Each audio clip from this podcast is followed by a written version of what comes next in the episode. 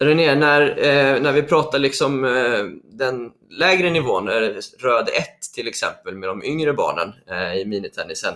Eh, vi, så vi har ju börjat prata mycket om den röda bollen, men jag minns när jag var yngre så spelade jag mycket med skumboll till exempel. Va, vad är det för skillnad på de två? Vad, vad avgör vad man ska använda, tänker du? Ja, nej, men för mig har det varit en, en, en process där också, vilken boll. Jag använde mycket mer skumboll till en början för några år sedan och sen har jag vevat in den röda mer. Men, men egentligen kan man säga att det beror på syftet tycker jag. Det, det, jag tycker inte mer eller mindre om någon, men jag använder nog ska säga mera skum. Men det är ju för att vi jobbar lite mer taktiskt då. Och mm. i taktiska moment så är det lättare att jobba mer med den bollen eh, på röd. Eh, men däremot vill man kanske jobba mera med liksom att, att känna träff, eller man ska säga, att, att jobba lite mer kanske med teknik, att liksom känna feelingen på träff och sådär. Mm. Och sen även kanske att börja få lite mer, mer topspin och kanske ja, kontrollera mer bollen så att, att man kan jobba mer med, med kontroll och rätt teknik. Mm. Då, då, är ju röd boll bra, men däremot tycker jag att när du är på, på, på röd 3 till exempel, när du är på fullstor mintennisbana så, så det, det, är klart att där kan det vara bra att, att även börja lära liksom de bättre spelarna om de börjar jobba lite mer med, med, med liksom fullsving och kanske få lite topspin och, och, mm. och sådär. Men, men, men det handlar mer om egentligen liksom vad du vill komma åt. Taktiskt eh, så tycker jag skumbollen. Eh. Ett helt nytt avsnitt. Välkomna hit till Tennismagasinets tennisbord med Linus Eriksson.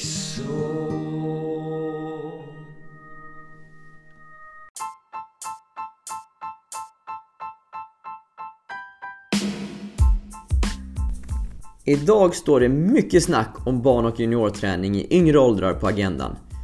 Ett oerhört intressant och viktigt avsnitt och dagens gäst är i mina ögon en av de absolut vassaste tränarna vi har i det här landet på just träning för barn under 10 och under 12. Låt mig presentera René Lindberg, tränare på KLTK. René är en oerhört energisk, noggrann och seriös tränare och har, och har successivt blivit lite specialiserad på just träning för juniorer i de här yngre åldrarna. Han sköter visserligen en hel del fysträning för elitspelarna på Academy of KLTK också, men i det här avsnittet fokuserar vi helt på träning för juniorer. Främst på nivåerna eh, med röda och orangea bollar. Vi pratar om varför den röda nivån, det vill säga minitennisen, är den allra viktigaste nivån i en spelares utvecklingstrappa hur man kan jobba med taktiska bitar redan på röd nivå. När en spelare ska gå upp i boll, det vill säga gå från röd till orange och från orange till grön boll och så vidare. Hur mycket eh, han planerar sina lektioner och René får berätta om det lyckade konceptet månadens utmaning på KLTK. Ämnen som de flesta tränarna ute i landet kan relatera till. Hoppas ni finner det här intressant. Nu kör vi! René Lindberg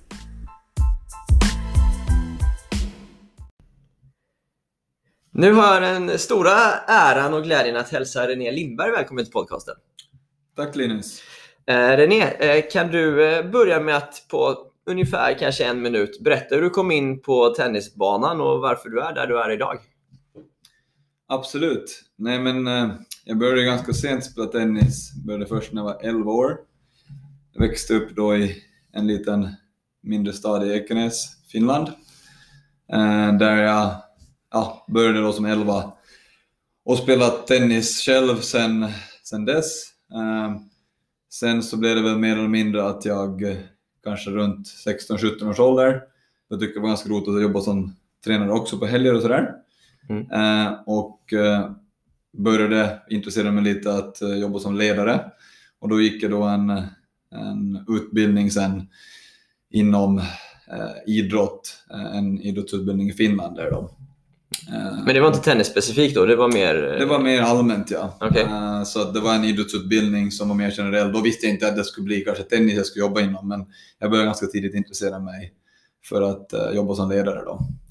Men sen, ja, min, min spelarkarriär så, så har jag egentligen hållit på med, jag började ganska sent som sagt, men jag spelade ganska liksom regelbundet och flitigt ända tills jag var runt 20. Sen när jag var när jag var 21 och flyttade till Sverige, eh, upp till Falun och studerade, så då eh, kan man väl säga att jag, jag drog ner lite på min egen tennis och fokuserade mer på studier och jobbade. Mm. Eh, Okej. Eh, vad, vad, vad var det som drog dig till Falun? Du, du var just det liksom att du... Ja, nej men jag, jag, jag gick den ena utbildningen i Finland där då på tre år och så var det intressant och jag kände liksom att jag ville fortsätta jobba inom idrott eh, på ett eller annat sätt. Eh, Och då eh, hade jag faktiskt en kompis som bodde i, i Falun, en god kompis från barndomen och så vi hälsade på honom och så tyckte att nej, men det var en, en, verkar vara en häftig, bra skola. Ja. Där jag hade lite, två skolor egentligen välja mellan. Jag tänkte åka till en skola i Finland som var högt upp i Jyväskylä som är väldigt, väldigt bra idrottsskola. Eh, eller skulle jag åka utomlands och ehm, då tog jag eh, lasset över till Sverige och så flyttade jag till Falun sen Mm. ganska omgående. Det blev ganska snabba, snabba ryck där. Mm. Eh, så att på den, på den vägen blev det. Läckert. Eh, Du, du, du är från Finland där. Hur, hur skiljer sig finsk eh, från svensk kultur och mentalitet? Ja, nej men jag är inte så insatt nu exakt i hur allting ser ut där. Eh, Jag har lite kontakt med en, en viss klubb och, och, och en, tränare där som jag har jättemycket kontakt med som jobbar även med, med yngre barn som, eh, eh, som är mycket, eh, bollar mycket idéer med. Så. Mm. Men kulturen i sig skulle jag säga att, att i Finland är ju tennisen väldigt mycket mindre. Eh, Det är väl Den är det eller? Ja, den har ju växt lite grann vad jag har förstått och man har märkt lite grann, men det är ju mest kanske huvudstadsregionerna och kanske liksom mera i större klubbar. Men tennisen är ju väldigt liten sport så, för att hockeyn, hockeyn där tar ju väldigt mycket plats. Och sen kommer ju fotboll på andra plats liksom, så det är ju, det är ju lagsporten där som är störst, absolut. Men, Och- men för Finland har ändå haft en del bra spelare på slutet. eh, Mm. Med Henrik Kontinen, så riktigt bra dubbelspelare. Eh, Rusovori, eh, Laxonen var Mm. från Finland, spelar för Schweiz nu.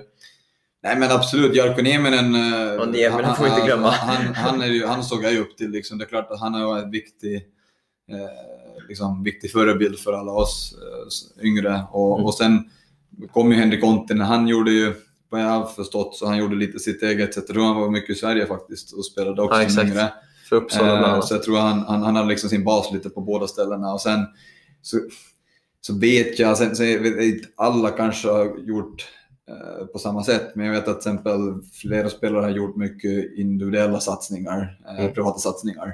Mm. Eh, att det är inte så jättemycket som kanske har kommit och växt upp från en liksom klubb eller akademi. Sen Mm. var ju Jarkko Niemens akademi lite grann här då. Mm. Och där tror jag att det var spelare som har fått väldigt mycket hjälp. Jag vet att Emil Rosovori som jag nu inte känner, men jag känner ju den klubben då, HVS. Så han, han, hans tränare där så, så hjälpte honom jättemycket mellan han var 9 och eh, 13-14 kanske. Jag vet Okej. inte exakt ålder, Ja. men i alla fall så, så vet jag att han ändå jobbar lite, tror jag, liksom i klubb och eh, privat förstås. Då. Får man ju alltid stöttning. Men, men han, han skulle säga att det kommer ganska mycket från klubben i alla fall, för HVS där. Eh, Okej. nu, nu är det bara vad jag har hört. Jag vågar inte säga till 100 procent. ja. Eh, och sen, eh, ja, de andra spelarna så tror jag nog har kommit lite också tack vare Jarkko. Sen kom ju Henry. Henry var ju också duktig singel tidigare, Mm. men han, han blev ju lite skadad och fick tror jag, problem med knäna, så att han Ja. satsade ju fullt upp på dubbel sen. Just det. Men, men tror du man har märkt någon form av intresseökning i landet med de här spelarna som har kommit fram? Eller har det liksom kvittat hockeyn i störst? Liksom, så här? Jag tror att det här börjar hända lite mer. Dels så Mm. tror jag att eh, absolut att, att uh, Jarkko Nieminen och sen uh, Henrik Konten som gjort så bra dubbel och fått uh, vunnit lite Grand Slams och, Mm. och liksom fått eh, Finland lite mer på kartan. Mm. Eh, så har gjort, gjort eh, en del. Eh, Mm. men sen så tror jag också att ja, alltså det är svårt att kunna ändra precis som i, i, i Sverige som tennisen alltid Mm. varit liksom en, en, en det, när det är så mycket historia kring det. Men, Mm. men så tror jag att det är svårt också i Finland med, med att hockeyn alltid har varit så stor. Att Mm. det kommer ju liksom, det kommer aldrig, tennis kan aldrig bli större, men däremot så tycker jag att den, det känns som den har växt lite. Framförallt så har det ändrats lite med hur vi hur träningsupplägget, jag tror att, att eh, HVS till exempel, där som är en, en av de större klubbarna, har, har, har försökt liksom ändra lite, tagit in lite eh, liksom, eh, expertis från andra länder för att kanske ändra lite på systemet. Okej. Och så, så tror jag att eh, det, de har försökt eh, titta lite på vad andra länder gör, eh, som jag förstått det lite. Okej. Mm. Ja, läckert.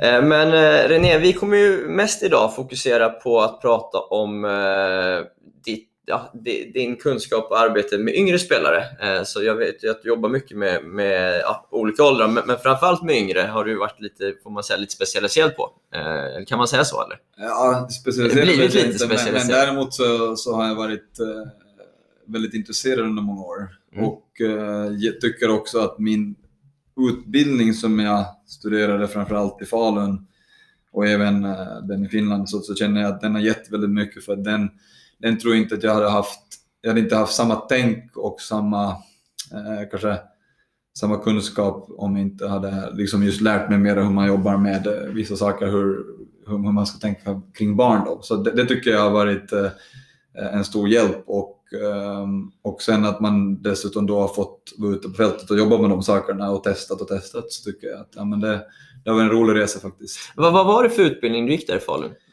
Eh, Det var en högskoleutbildning eh, på tre år, idrottstränarprogrammet hette det. Okej. Eh, ja, man, man, man blev egentligen idrottstränare, sen kan man då mot slutet av eh, studierna kanske specialisera sig lite inom liksom visst område då. Mm. Många kommer från olika sporter då. Men där, fick du, där väcktes ditt, intresse för det här med barnträning då? Eller, Ja, eller jag tyckte det var intressant innan också, men jag tror att eh, eftersom jag hade väldigt bra möjlighet när jag bodde i Falun att eh, tennishallen låg fem, precis bredvid, 50 meter bredvid, så, eh, så hade jag möjlighet att jobba som tränare samtidigt som jag studerade. Och den, eh, den, den, den parallellen jag hade, liksom, att jag kunde använda det teoretiska till det praktiska under den tiden, det gav ju jättemycket. Och då, då tyckte jag att det blev roligare att jobba som tennistränare Mm. eftersom jag liksom förstod lite mera kring, kring träning och sånt. Att, eh, tidigare så kanske jag gjorde ganska mycket som man har blivit eh, lärd liksom, när man själv spelar från alla tränare. Men, men sen började jag hitta lite min egen filosofi och uppfattning om hur jag vill jobba. Okej. Framförallt med barn då. Ja, så det är det du ska dela med dig av idag. Mm. Eh, och vi kommer börja prata lite om liksom, de, de allra yngsta nivåerna. Eh, med eh, den röda nivån kallar jag det. Och nu Mm. kanske man tänker att det finns en blå nivå också. Men, Mm. men eh, va- varför tycker du att den röda nivån eh, är kanske ett av de viktigaste stegen i inlärningen? Eller röd och orange nivå kanske Mm. man säger. Nej, men det är ju det är som du ser, det finns ju kanske flera nivåer innan om man kallar det så, beror på när man börjar. Men, men till exempel som i vår verksamhet så har vi då från, från röd, orange och grön. Då. Nej, men, Och det är de här bollarna, färgerna på bollarna Sen kan man säga så här att, att det, liksom, det finns ju inget som säger liksom ristat i sten när man ska gå från en nivå till en annan. Men jag tycker själv personligen att det är väldigt viktigt att de, när man kommer in till tennisen, att man lär sig spelet från början och får, får spela på den nivå man, man, man är på. Och Mm. då är det väldigt bra att man kan liksom anpassa banor och bollar och, och racketar och, och även metodiken till att, att göra det så bra som möjligt för barnen när de kommer in till sporten. Mm. Och eh, man kan göra det med väldigt enkla medel så att de kan spela spelet från början och därför är det viktigt att, att man liksom på röd nivå då eh, ja, eh, by, bygger, bygger träningen från start liksom med att eh, de får, får känna att de kommer in, in till tennisen och spelar den. Mm. Eh, När du säger anpassa, hur menar du då? Med, med anpassa storleken på banan då liksom och så eller? Ja, man kan eh, anpassa storleken på banan, man kan ju modifiera den på olika sätt beroende på vad, vad man vill komma åt för syfte. Liksom. Men, men framförallt till en början, liksom, om man vill lära sig spela spelet så, så är det väldigt eh, bra att, eh, att man har olika storlekar på banan så att eh, det blir mycket enklare för dem att och, och, ja, eh, kontrollera bollen i, i banan liksom, Mm. eh, så att det blir spel. Om vi tänker röd nivå då, liksom så här, vilka syften är viktigast tycker du där? Vad, vad, vilka områden är viktigast att fokusera på?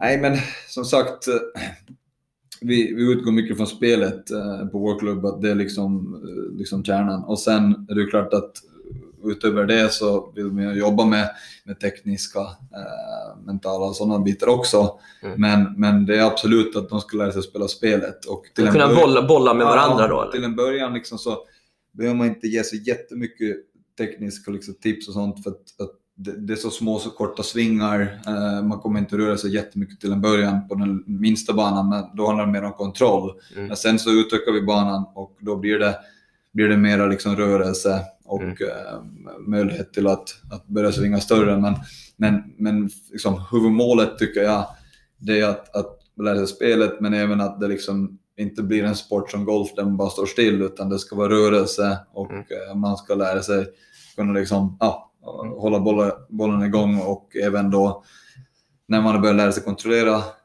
bollen i spel så börjar det bli mer och mer mot att man kan börja spela mer taktiskt och använda hela banan. Liksom. Hur, små banor har du i början?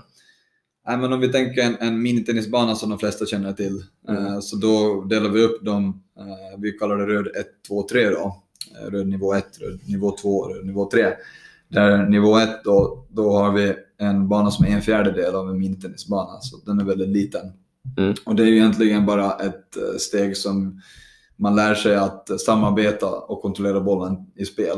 Eh, Så det blir inte så jättemycket mycket tekniska checkpoints, det blir inte så jättemycket mycket liksom skills man kan lära sig på den nivån, men det handlar om att eh, liksom lära sig att få bollen i spel och att kunna tänka att man har en på andra sidan, för det är Mm. det tennis går ut på. Så att man liksom inte alltid bara gör saker på egen hand, utan att vi, vi liksom... Så du matar aldrig liksom till de här Eh, spelarna? Väldigt lite, alltså på röd nivå överlag så är det nästan ingenting i matning. Sen absolut så kan det ju vara att det är också en, en, en- resursfråga vad man, hur många barn man har i, i sin grupp förstås. Det är klart att vissa, vissa övningar och vissa saker skulle man kanske vilja göra lite från eh, korg om man tycker att det ska vara eh, mer praktiskt för att lära Mm. vissa saker. Men, men i det stora hela så kan man lära sig väldigt mycket både tekniskt och taktiskt på röd nivå utan att eh, man behöver ha så otroligt mycket liksom, eh, korgövningar eller att det ska behöva vara, så mycket tekniskt fo- fokus på det.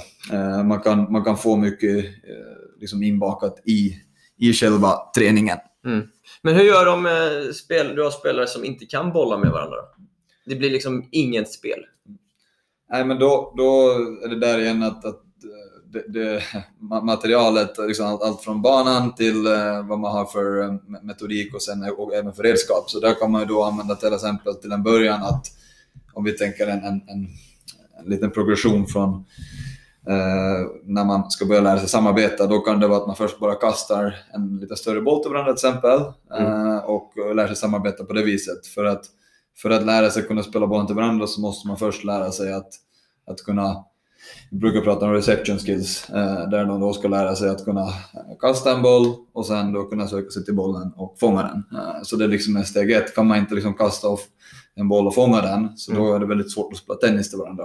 Mm. Och, och det, då är det väldigt viktigt att utveckla de här reception skillsen då först, innan man kan börja samarbeta. Och sen kan man bygga på den, till exempel att man har eh, en har racket och en har boll och sen kastar ena och så ska den andra till exempel kanske bara eh, fånga bollen med en racket och boll till exempel. Och sen kan man bygga på den till att man en kastar och den ska andra slå bollen över och sen kan man bygga på det vidare och så Mm. kan båda ha racket. Och, ja. Så Okej. det finns liksom olika sätt man kan eh, liksom ha progression på det där. Då. Okej. Och är det redan i liksom de här liksom åldrarna på röd nivå som du börjar jobba med de taktiska momenten också? Eller? Ja, nej men det är från början. Ja. Eh, och sen klart, på, sen sa på röd 1 på en fjärdedelsbana, då, då är det svårare att eh, liksom, kanske få in så många taktiska moment. Men, men säkerhet är också taktiskt. Men om vi säger när de kommer upp då på röd 2 Ja. eller 3 då, när Mm. de är lite bättre. Hur, hur, Ja. kan, hur, kan ett sånt, hur kan det gå till när du jobbar taktik? Om du kan ge något exempel på det. Nej, men på röd 2 till exempel, då har vi ju en två fjärdedelsbana. Då brukar vi göra den bred då. Eh, sen kan vi göra den modifierad på andra sätt också, men, men då, då blir den lite större. Då, då delar vi banan liksom eh, på hälften. Då blir den ju väldigt bred, så då kommer vi få möjlighet att kunna spela lite mer på bredden och, och få motståndaren lite rörelse. Och där kan man igen då ha en progression, jätteenkla taktiska grejer, till exempel som kan vara liksom steg ett, att vi gör kastmatch till exempel. Mm. Där man då kastar lite större boll som är lite långsammare och lite lättare att fånga.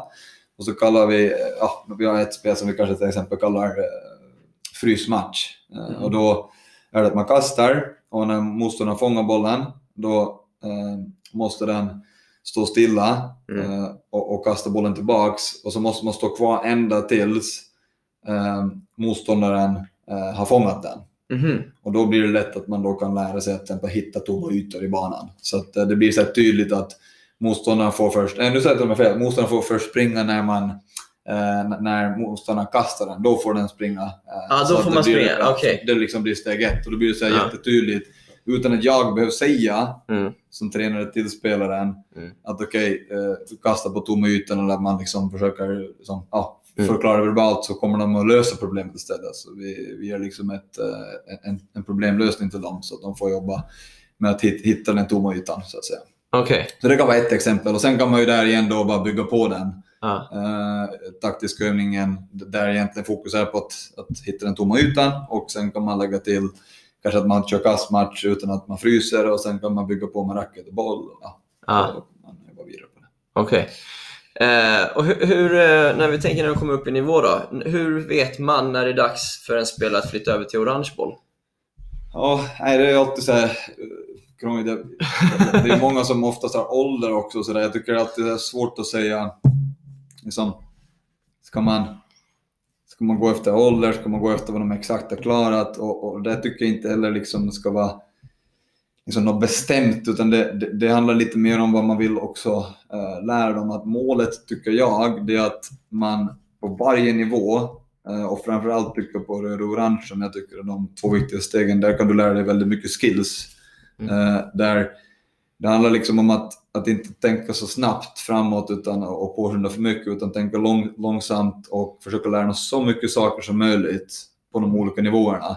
Och sen är det klart att, att någon gång måste vi flytta dem vidare. Det blir ju också en, klart en motivationsfaktor liksom, för att barnen, menar om de Vissa kanske inte spelar lika mycket och så och kommer framåt lika fort. Men, men jag tänker att med, med majoriteten av alla spelare man har i sin klubb eller i sin verksamhet så tycker jag man ändå ska tänka lite långsammare där man ändå tänker att man ska lära sig väldigt många, många färdigheter på varje nivå. Som man kan tänka att man skulle lära eh, liksom en, en äldre vuxenspelare. Att jag brukar säga att, att som målsättning så kan man nästan ha att kanske de bästa man har på röd och de bästa man har på orange och på grön så ska det nästan se ut som miniproffs på varje nivå eh, innan man egentligen liksom ska gå vidare. Sen är det klart att alla kommer inte kunna vara liksom i, inom, inom den kategorin av grupp, men, men jag tror ändå att vi, vi, vi ska tänka mer liksom på att, att inte vara för snabba bara för att man kanske kan kontrollera bollen över nät tio gånger på röd så kan man gå vidare till orange. Utan det är inte liksom det som eh, jag tycker att eh, liksom är, är syftet med de olika banorna, utan det handlar om att lära sig liksom så många saker som möjligt, framförallt taktiskt. Då. Mm. Eh, Det finns så många saker man kan lära sig där man också eh, där det finns också även eh, vissa, eh, inte kanske forskningar, men, men de har gjort eh, vissa eh, så studier analyser på lite tävlingar. Det är en, en i Österrike som de har gjort en, på en tävling där de har gjort med sina bästa spelare. Jag vet inte de bästa, men jag tror de bästa regionala spelarna i alla Mm. fall i en turnering på orange nivå. Mm. Där de då gjorde eh, lite jämförelser med olika saker till hur, hur det ser ut när, när, eh, när man spelar med gul boll Mhm. och hur det ser ut när proffs spelar. Och då såg man en, en tydlig, eh, eh, liksom, tydligt samband med att det är väldigt likt hur, hur, hur man liksom har till exempel kontakttiden mellan bollen, till exempel om jag slår Mm. bollen till, till andra sidan så är det väldigt likt tiden mellan eh, tillslag, hur Just det ser det. ut med proffs och även andra saker som att, att man fick mycket utdelning på sin serve Mm. eh, i, i de matcherna man analyserade. Man fick även eh, lyckas vinna mycket framme på nät. De var mycket fram, lyckades vinna på nät och, Mm. och kunde liksom eh, avgöra och, och spela ett mer offensivt spel. Mm. Och även att man kunde vara lite tuffare i returerna. Det var vissa saker de tittade på då. Mm. Där jag inte har procentsatserna i huvudet, men det, det var väldigt, väldigt häftigt att se. Och sen gjorde de då jämförelserna till exempel med, med grön boll och, och, eh, och gul boll i, i, i yngre ålder. Och där märkte man att, att där blev ju liksom, eh, det otroligt mycket lägre. Eh, lä- lägre, vad heter det? Eh, om man jämför liksom, eh, lägre tempo lägre tempo, det blev mycket mer liksom säkert i basketspel och sånt. Mm. Där, där tempot inte var lika snabbt och de fick inte jobba med lika mycket offensivt spel med serve och, och nätspel och så. Men, men du nämner ju här liksom volley och serve och så vidare. Eh, lär, lär, lär du ut allt det på röd nivå redan? Ja, alltså det, sen är det så att eh, tiden är ju alltid begränsad också. Eh, Så i många klubbar så har man inte eh, så många timmar man önskar, men, men också så absolut, vi, vi, vi- vi, har ju liksom en, ett upplägg där vi vill lära dem alla saker. Sen kan det ju vara att man tränar på mer saker i, eh, i, en liksom viss, ja, visst skede i, i utvecklingen då. På röd så är det lite mer fokus på grundslag, absolut. Men, Mm. men där jobbar vi också med, med, med, med serve och, och nedspel. Nedspel blir lite mer på orange då. Men, men man kan säga att, att eh, fast man kanske inte jobbar så jättemycket tekniskt, Mm. exempel, vi jobbar inte så supermycket tekniskt kanske då med själva servrörelsen, vi jobbar ganska mycket med kast och sånt, så kan man ändå använda serven som ett taktiskt moment väldigt mycket. Kan du ge ett exempel på det? Eh, nej men, taktiskt exempel så, så kan vi på, om vi tar då på, eh, man kan egentligen göra det på röd 2 också, men vi tar ett exempel på röd 3 när man har full stor minitennisbana kan ju vara att man, eh, man, man får serva eh, i en bredare servruta till exempel. Så att Mm. vi, vi breddar servrutan så att de ska lära sig att kunna kanske serva en, en utåtserve där motståndaren hamnar långt ut i sidan. Mm. Och då hittar vi igen den öppna ytan egentligen. Och det är egentligen samma taktiska, att vi tränar på att eh, liksom hitta den öppna ytan i banan Mm. eh, på röd då. Och då är det ju serve i det här fallet. Då Mm. kan man serva utåt och sen kan man hitta öppna ytan. Mm. Eh, ett annat exempel kan vara med serven eh, att man lägger ut tre olika färger av plättar Mm. eller markeringar. Och så kan den som servar då få välja vart motståndaren ska starta i sin retur. Mm. Och då får man jobba med sin placering, serven till exempel. Och då Okej. kan de då välja, om de väljer den kanske plätten som är i mitten av rutan så kanske de inte har Ja. samma taktiska förutsättningar som de kanske väljer motståndaren längre utåt. Då. Så då är det också det med att de får lösa problemet själva. Eh, Ett problem jag tror många upplever i, när, när det kommer till att lära ut serv, det är ju det här med greppet. Eh, Ja. Hur noga är ni med greppet eh, i de olika faserna? Nej men absolut, och, och det är viktigt. Till början på röd nivå så, så är vi inte jättenoggranna att det måste vara det rätta servegreppet. att Där, där börjar vi då kanske med ett eh, eastern forehandgrepp eh, Mm. så, som inte är då hela vägen vridet till, till det man önskar. Men, men eh, samtidigt så handlar det mycket om att lära dem många olika saker med sin servrörelse tycker jag. Mm. Jobba mycket med kast. Jobba mycket med att lära liksom, eh, liksom känna hur armen kan vridas eh, på olika sätt. Mm. Och sen eh, absolut på, röd 1 och 2 då, då det ju ingen servens överifrån. Utan då servar vi underifrån fortfarande. Men, Mm. eh, ja, men det är ju ändå en serv. Okej. Så att det blir ju först serve på röd 3. Så att på, på, på röd nivå så är inte serven eh, rent tekniskt eh, så mycket tid vi lägger på. Utan det blir mera på orange, eh, orange och grön då. Jag vet ju att du, du jobbar ju en del med lite olika material också. Så här. Jag vet, speglar, jag vet inte hur Ja. mycket du filmar och så vidare. Hur mycket använder du sådana grejer i träningen med barnen? Nej, men vi försöker använda lite olika. Dels för att eh, variera oss lite för att få in lite andra moment i träningen så att det blir som en liten, liten boost eller man ska säga, en eh, motivation också. Ah, nu får vi testa något nytt här. Så Mm. det blir lite som eh, för dem också en häftig upplevelse för något annat där vi samtidigt då kan jobba, eh, tycker jag, lite implicit till exempel med, med spegel är ju väldigt bra för att de får eh, titta och härma själv och då kan vi exempelvis använda bara också för inspiration men att kanske ha en skärm på sidan där de får kolla på eh, nå- någon, någon spelare, då, en, en, duktig junior eller proffs där de kanske tränar på sin serve och så får de kanske exempelvis härma Mm. sig själv i spegeln. Eh, så det, det kan vara bra, eh, ett- ett bra redskap att, att ha med sig till exempel. Sen ja, det finns det ju andra sätt man kan göra det på också men, men ja, vi, vi har olika redskap vi brukar använda eh, ibland.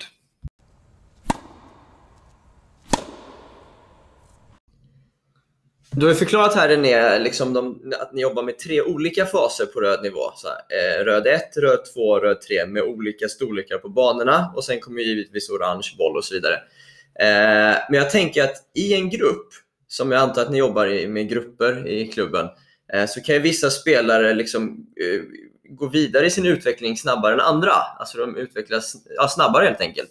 Hur gör ni då? Liksom, låter ni en spelare kliva vidare då eller väntar man in hela gruppen eller hur, hur jobbar ni med de faserna? Om du Ja. känner igen dig i det. Ja, det är en bra fråga. Eh, det, det här tror jag också är en, en väldigt viktig, eh, vik- viktig del i, i hur, hur man jobbar med de här olika nivåerna. Eh, för att det här tror jag att oftast, jag personligen hade svårt med det i början när jag jobbade som tränare, att hur ska man, hur ska man liksom kunna göra det så bra och utmanande som möjligt för alla barn i Mm. en grupp. Och det, det, är största utmaningen tycker jag som jag har lärt mig kanske just med att då använda de olika nivåerna då, att man inte bara kallar det röd och så alla samma sak. Utan det som jag tror är väldigt viktigt, har vi en stor grupp till exempel på röd kan man ju ha en, en grupp och säga vi, vi, ja, vi, vi tar fast eh, att man har ett, ett, tre banor och 16 spelare till exempel. Eh, mm.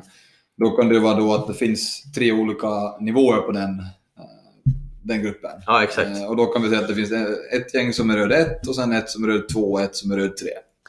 Och då, då kan man helt enkelt göra som så att, att när man har träningen så allt från uppvärmning till eh, alltså fysiska saker till då det, det tennisspecifika så kan man försöka dela in dem i de här olika nivåerna. Mm. Där alla ändå kan känna för att de är delaktiga och med i samma alltså gruppträning mm. och vi gör många saker tillsammans och kanske egentligen har samma tema och allting. Bara att vi sen då fördelar dem på banorna på olika nivåer. Mm. Och då gäller det ju att vara, vara väldigt skarp som tränare och ha förberett bra och sådär. Men, men att man då kan ha då några banor som det är en fjärdesbana som är en grupp på röd 1 och sen har vi några banor som är röd 2 och sen då några som är på röd 3. Och så får, man, får alla vara i sitt eget fack mm. så att säga. Men de kanske jobbar med samma tema. Vi säger att nu ska vi fokusera på kanske grundslag, men så mm. kan det vara olika saker de tränar i sina grundslag till exempel. Men är det inte några som liksom typ säger men jag vill hellre vara där borta? Min kompis är där. Eller ja. jag vill spela på större bana. Absolut, det, det, det kan förekomma att de, de kan, men samtidigt så tycker jag att, att ju mer vi har gjort det systemet så känns det som att det tror jag alla liksom märker att, att när de får på sin rätta nivå så tycker de att, att det ändå är väldigt kul. Mm. Uh, sen så, så tror jag också att, att det där blir, blir någonstans allt efterhand också eh, inte så konstigt alla gör, de känner att de gör ganska samma. Det är inte så, ibland så tror jag att de inte har tänkt på att det är en större bana. Och, och, och sen så brukar vi också, självklart, ibland kan det vara så att man även får spela på en annan nivå. Det är inte helt vissa ställen, men du, kommer aldrig, du får aldrig testa på den banan. Utan mm. ibland låter vi också för att det inte ska bli liksom så extremt. Så ibland kan mm. vi kanske ha, när vi har lite matchspel, så kan, kan man få prova på en annan bana. Men däremot så, så är det ganska ofta att vi försöker ändå nivåmässigt att, att man får den utmaningen att man spelar med någon som är likasinnad. Där, där mm.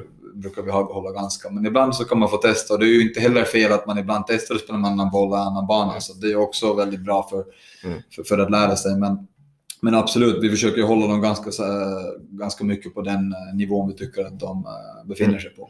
Och vi var inne på det här innan där med, med, när man går upp i, i boll då, från mm. röd till orange och orange till grön. Och du sa att det beror mycket på skillsen, vad man klarar av, eh, snarare än åldern.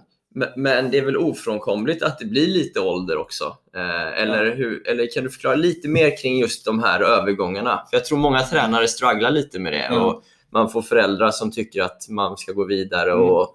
ja. ja men Bra fråga. Det, det, är ju ett, det är ett stort problem. Jag, jag tror personligen att man borde försöka bli bättre på att, att kanske stanna kvar ännu längre. Och det har jag upplevt för varje år jag jobbar, att, att nej, men nu är vi lite för snabba fram här. Att jag tror att, att då kommer vi inte kanske heller ha det problemet att vi tycker att nu kommer åldern, nu måste de gå upp. Sen är det klart att det finns en punkt där, där du kan inte liksom ha någon som är så kanske börjar lite senare och kommer in i en klubb och, och liksom aldrig får gå bort ut liksom vidare från röd om man är liksom 10 eller 11 år. Det, det funkar inte. Det, det, är klart att det kommer alltid finnas spelare som man måste ta vidare i, i systemet. Men jag tror också att, att, fast man har gått vidare, det vill säga att man är på, på orange eller grön, så, så det är inte helt fel att man ibland gör vissa saker som är med skumboll eller liksom att man gör saker. Vi har till exempel många gånger att vi kanske gör grejer med de som är på orange så kanske man ibland när det handlar om nätspel till exempel mm. så kan det ibland vara väldigt bra och effektivt ibland att gå ner ibland till, till röd igen för att de ska liksom känna att de lyckas lite mer framme på nät, nätet i lägen. Så är det blanda bollarna ja, ibland? exakt. Ja. Så jag menar, jag tror inte heller att man liksom måste känna att man alltid, liksom, när man kommit till en viss nivå, att man inte går tillbaka. Så den beror lite på vad man vill komma åt i träningen också.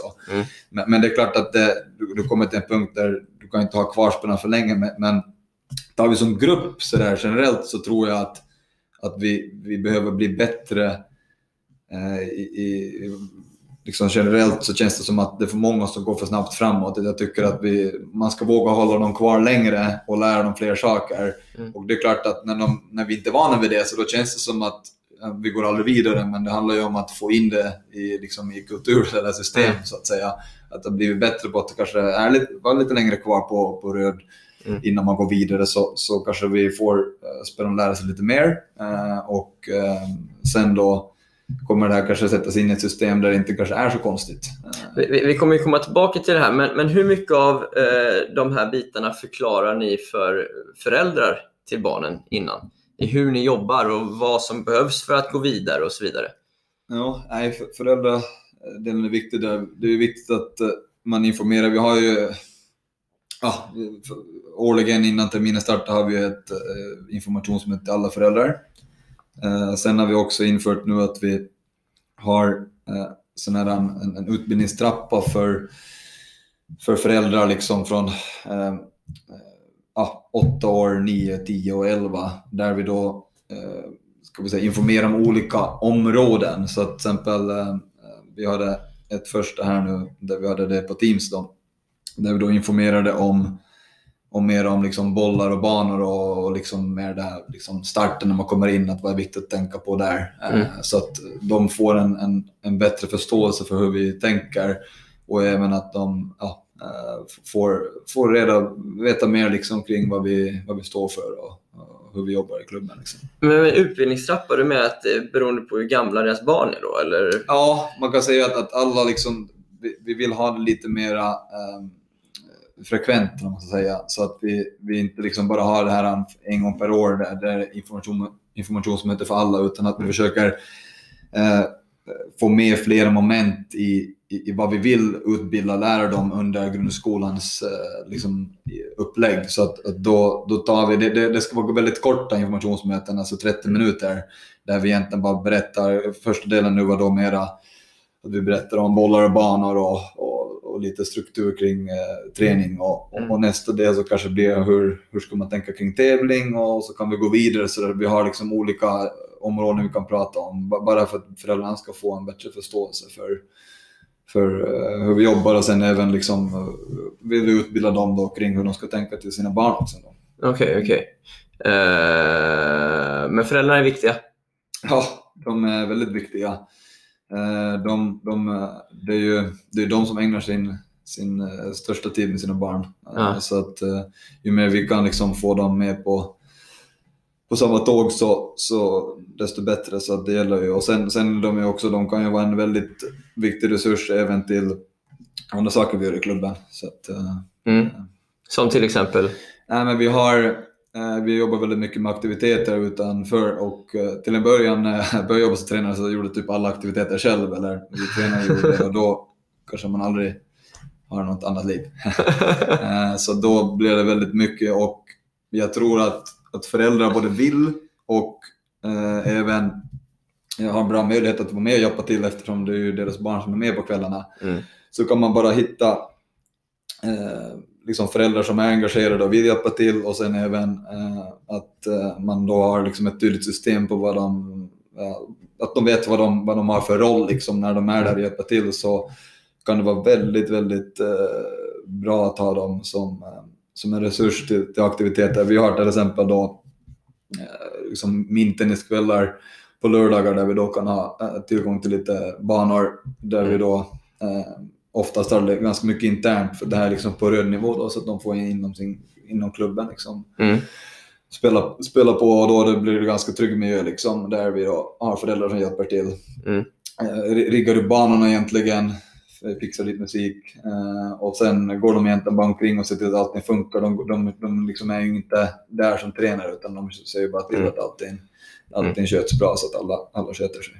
Hur viktigt är det med de här extra aktiviteterna liksom runt omkring? Eh, jag vet till exempel att du har haft ett lyckat koncept med, med någonting som kallas månadens utmaning. Eh, hur, hur, du kan berätta lite mer om den och även liksom, vad, vad tänker du kring just extra grejer utöver den vanliga träningen? Nej, men det, det tror jag är väldigt viktigt. Det beror ju också på, men som man vet så är det ju väldigt lite träning för, Eh, för de, de yngre i de flesta verksamheter. I, I vår verksamhet så är det ju så otroligt liten mängd träning när de är yngre och barn, barnen de vill leka och springa och eh, eh, hålla igång eh, väldigt mycket. Så då tror jag att för att då hitta ett komplement så då måste vi försöka se vad finns det för, för möjligheter utanför den ordinarie träningen. Vad kan vi liksom ha för extra eh, aktiviteter?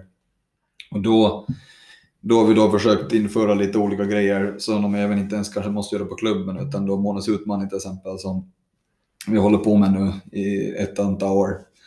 Där de då en gång i månaden får um, en, en utmaning. Det kan uh, vara tennisspecifikt, det kan även vara något helt annat, men det är liksom någonting som ska vara väldigt enkelt och uh, man ska inte behöva ha liksom, uh, liksom så mycket redskap eller så mycket utrymme för det, utan man ska kunna klara av att göra det egentligen vart man än befinner sig. Typ såhär jonglera eller? Ja, exakt. Någonting. Det kan vara allt från jonglering, det kan vara från att vi har någon med boll och racket. Vi, vi utgår ganska mycket liksom med vad, vad kan man göra med sin kropp då. Mm. Så att det finns haft olika saker under, under alla de här åren. Och det som jag också tycker är bra med den, eh, den eh, aktiviteten det är att vi har då en träff en gång i månaden eh, där vi då är på centerkorten på Kungliga. Eh. Det är inte alla klubbar som har en centerkort men... det, det, det, är lite lyxigare på, med tanke på att vi har så stort utrymme. Men då har vi då att man alla kan liksom vara där en gång i månaden där vi alla träffas och sen går vi igenom utmaningen och så gör vi mycket andra saker samtidigt. Så det blir liksom det här... Liksom, det blir en happening. Ja, det blir en happening. Och mm. det som också blir, blir en grej det är att, att vissa som har träning innan och kanske inte vill gå hem liksom emellan utan det kanske är två, tre timmar mellan sin träning och månadsutmaning. Då blir de kvar där och hänger. Får vi det här liksom att de kommer dit, de hänger. Och många gånger efteråt så har jag passat på att eh, försöka liksom eh, se, kolla om jag får inte boka banan en timme till, men jag har kollat om banan liksom är kvar och då har jag märkt att okay, banan, det är ingen som bokat den. Då brukar jag med flit lämna lite bollar kvar och, ja. och så går jag därifrån själv. Men då brukar kidsen bli kvar där. Så ja, då plocka lite slarvigt. Och en gång kunde jag inte hålla mig, jag hade inte bråttom hem. Då blev jag kvar där och lirade minitennis en timme till med en, en 10-15 kids. Så det blir det här också att man kommer dit och så blir det där hänget, eh, mm. hänget i hallen som jag tror också har lyckats liksom skapa det här lite att man, man kommer dit spontant också så att man eh, får göra lite saker. Just det. Okay. Um, du var inne på det här med, med, med att uh, göra lite grejer spontant. Hur mycket liksom, egenträning räknar ni med att barnen uh, utför? Uh, du tänker utöver ordinarie? Ja, men utöver ordinarie träningarna. Liksom, så här. Vi har ju en, en modell vi utgår efter som är tredelad, där en tredjedel är ju vad vi erbjuder och sen ska ju de andra två tredjedelarna fyllas med, med, med eget spel och tävlingar och så. Och när de är sådär små så blir det inte kanske så mycket tävlingar. men, men, men, vi, vi räknade på det här eh, faktiskt, där vi presenterade på vårt första eh, möte på utbildningstrappan där, eh, där vi kom upp till över 200 timmars träning extra utöver det vi har det ordinarie träning på ett år. Men då räknar vi ju med... Alltså det, det, det, men vad ni räknar, ni räknar, räknar med att de ska träna 200 timmar extra? Nej, vi inte räknar med det, men att man kan. Aha, det är ingenting okay. man måste, men av alla aktiviteter vi har då är det eh, cirka 200 timmar extra utöver de timmarna man har annars. Okay. Om man är med på allt. Men ja. det, det, är ju inte alltid klart om man inte är med på allt. Men ja. alla läger vi har, alltså lägren tar ju upp mycket förstås många timmar. Men ja. är det någon som är med på alla läger vi har, sommarläger, höst, alltså alla lovsläger, med på månadens utmaningar, då räknar man kanske någon timme där. Vi har räknat ungefär då på, okay. och då tar man ändå liksom att, vi, att det är rimligt. Eh, då, då, då, kan man komma upp i en väldigt hög dos mm. eh, liksom mängdträning. Och I den här åldern handlar det inte om att det måste vara tennis i allt mm. vi gör, utan det handlar om att träna mycket mm. och få upp en, en, en stor mängd. Och då, då tycker jag att vi ändå liksom har hittat ett koncept där vi har många extra aktiviteter och, och är man med på dem så kan man få upp en, en hög dos träning inom, uh, inom regiet eller inom vårt koncept mm. med grundskolan. Då. Hur, det är alltid intressant det här med liksom antal timmar och så vidare. Hur mycket tycker du att spelarna i de olika åldrarna ska liksom träna tennis? Ja, det, jag tror inte... Nu vill vi ha specifika äh, svar här René. Nej, det, det, går inte. Men äh, jag tror inte det finns en siffra, utan jag, jag tänker så här. Äh, barn vill inte vara stilla, de, de, vill, de vill hålla igång. Det, det, det liksom, jag tror inte det liksom finns något, något, något tak liksom hur mycket de, eller lite de ska träna. Men däremot så tror jag att om man då är bra på att hitta liksom en bra variation i den mängden så tror jag man kan träna väldigt mycket. Sen om man bara ska träna liksom, bara tennis så, så tror jag att det, det är klart att det kan bli för mycket av en sak. Men jag tror om man är bra på att, att hitta en bra mix mellan olika saker man tränar i veckan eller under dagen Mm. så kan man träna väldigt, väldigt mycket. Eh, Jag tror inte det finns någon siffra. Jag tror att man kan träna tills man inte orkar mer, tänkte jag säga. Men Men, men om vi säger, vi säger liksom på röd 2-nivå här, eh, då barnen, hur gamla är de ungefär då? Då är de kanske, ja, det beror helt på när man börjar igen, men, men vi, vi, vi, vi har ju liksom... Ja, med typ 6-7 år. ja, Ja. ungefär. Hur många timmar liksom tränar de på Kungliga då? Men, vi, men vi, alla som kommer in hos oss har ju eh, de första två åren de är två gånger i veckan. Gånger en timme eller 45 minuter eller? Eh, Två, två timmar, alltså Ja. en timmes eh, Pass. två gånger i veckan. Mm. Men, men det är klart att, att det tycker jag kanske är för lite. Eller ska vi Men säga hur, I här? den bästa världen, hur mycket tycker du de ska träna då? Nej, men jag, jag tycker man ska gå så här. Om man ser att det finns ett väldigt stort intresse och, och ett inre driv och en, en hög motivationsgrad liksom hos ett barn. Att man ser att nej, men, men här tycker det är roligt och man ser liksom att den, Mm. den, den vill vara där och träna. Då tror jag liksom inte det finns liksom någon, någon liksom, mängd som liksom, man, man, man kan ju i princip, sen tycker jag inte allting behöver organiserad form, men jag, jag tror ändå att, att absolut skulle jag ju vilja att, att optimalt kanske skulle vara organiserat, så skulle jag säga att eh, för de som är mer intresserade i en som är 6-7, då kanske, om vi nu säger någon siffra, då kanske man skulle vilja ha tre gånger i veckan och då skulle det gärna få vara kanske 90 minuters pass. Och då pratar vi om de som är då väldigt eh, liksom Intresserade. intresserade, för de ska också klara av att orka köra lite längre pass. Det tror jag skulle, en och en halv timmes pass eller en timme och 15 minuter. Jag tycker en timme är lite för kort för de som är eh, framförallt då, liksom är, är hungriga och orkar, de, när de är uthålliga liksom klarar av att, koncentrera sig under längre tid. Och när de kommer upp till orange nivå då? Hur liksom mycket ska det stegras då tycker du? Svårt att säga siffror sådär, men liksom som jag sa där med, med tre gånger i veckan eh, och de passerna, de som är på orange, grön, kanske absolut kunna utökas eh, någon timme till liksom. Eh, men, men jag tror igen att jag tror inte den, det skulle behöva vara så jättemycket mer än, än tre, fyra pass organiserad form eh, så länge det liksom håller en bra kvalitet och förhoppningsvis om passet kommer lite längre jag tycker en timme ibland blir det just för att man vill få in så mycket som vi jobbar mycket med, att de ska liksom jobba med den fysiska träningen också, att man vill väva in den så mycket in i, i träningen. Så det är klart att då blir tennisen lite mindre om man tänker att vi... Mm. Fysen är ju också en del av tennisen, men, men, men att få mängden så, så kanske absolut. Eh, när det kommer upp på orange och grön så kanske fyra, eh, grön fem. Men, men jag tycker liksom det är svårt att säga någon siffra på det, men, men om vi tänker mängden de skulle träna totalt själva i veckan så tycker jag inte det finns liksom någon, någon, något stopp. Liksom. Liksom det, det, Och, och, och, och när, hur tänker vi kring liksom individuell träning i junioråldrar? Eh, så kallade privatträningar. nej, men Kör du privat med en del juniorer eller? eh, eh, vi, vi gör inte det med eh, våra yngre, men den kan ju de ta lektioner om de vill med, med ja, privattränare som vi har på klubben Mm. eller, eller någon annanstans. Men, men jag tror på röd så tror jag att, att där kan man mer eller mindre klara sig utan att behöva jobba så mycket individuellt.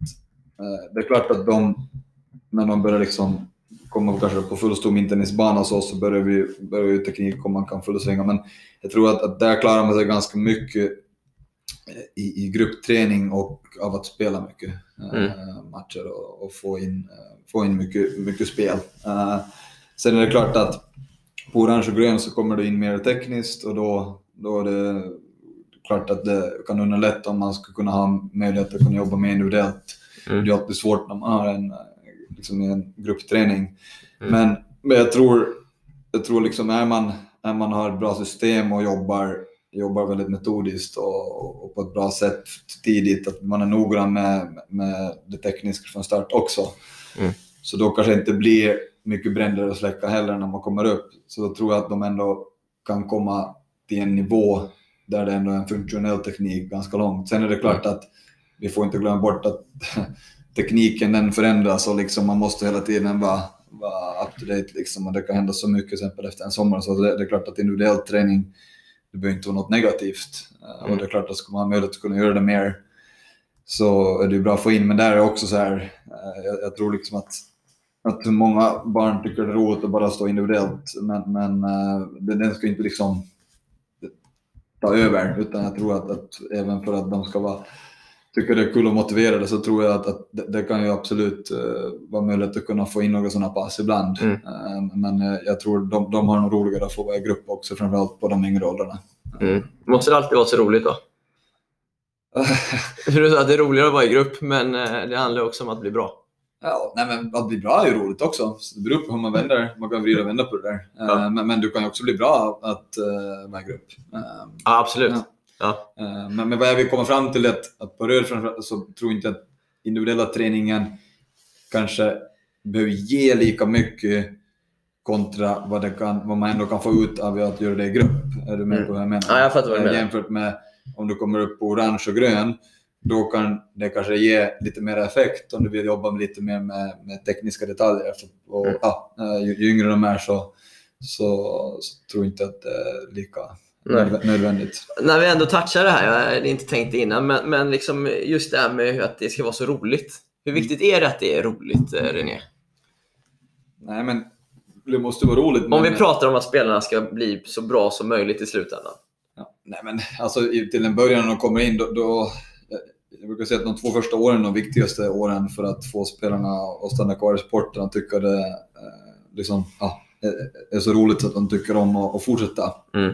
Och då, då måste man ju eh, göra det roligt, men, men det, kan ju, det är ju också individuellt. Alla tycker ju liksom, olika saker är roligt. Men, men, eh, men då, då, då, tror jag på ett upplägg där man ändå försöker lära dem spela spelet väldigt tidigt och tycker liksom det är roligt att tävla. Det behöver inte liksom heller alltid att man gör det, alltså match, men liksom gör saker tillsammans, liksom samarbete.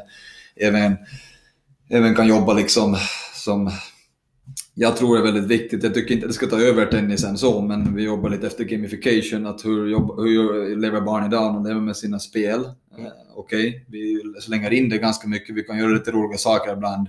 Där vi som tränare vet, okej, okay, vi tränar på de här specifika sakerna, men vi eh, låter barnen vara lite mer liksom, delaktiga och, och lurar dem till att okej, okay, nu, nu gör vi ett spel här där vi jobbar med, med, med de här checkpointsen. Uh, där de då får göra saker tillsammans med en kompis och mm. vi behöver inte liksom ens säga så mycket utan de utgår efter det spelet. Och, och, så här, då, game, då gamification, då menar du att det liksom är, ja, men det är utmaningar för barnen? Eller ja, alltså det är, ju, det är ju spelets värld. Liksom. Det kan ju vara att, att till exempel i samarbetsövningar till exempel så då, då får de göra olika levels uh, och göra olika liksom, Olika svårighetsgrader eller? Ja, göra olika saker liksom. Och där gör vi också faktiskt så att vi kan ju ha, vi har då olika nivå på spelarna på träningen, så då kan de få tre olika varianter av uh, spel. Mm. Så att de som bättre får lite svårare utmaningar från början mm. och de som är lite sämre får dem. Och sen, så att vi, vi kan ju även anpassa oss lite i, i spel, liksom att de, de som bättre får en svårare nivå direkt. Så det här är för att möta deras eh, verklighet lite grann då? Ja, nej men det tycker jag. Och sen är det viktigt också att man inte, det ska inte ta över så, men vi, vi har ju sett och, och, och märker att de är mycket mera eh, koncentrerade och tycker ja, man, man ser att motivationen till, till uppgiften blir ju, blir ju högre. Liksom. Så de, när de, de kan jobbar, gå vidare i nivå? Ja, när de jobbar på. Man märker att de är mer koncentrerade. Mm. Eh, och Sen är det viktigt att man även kanske gör saker som att de...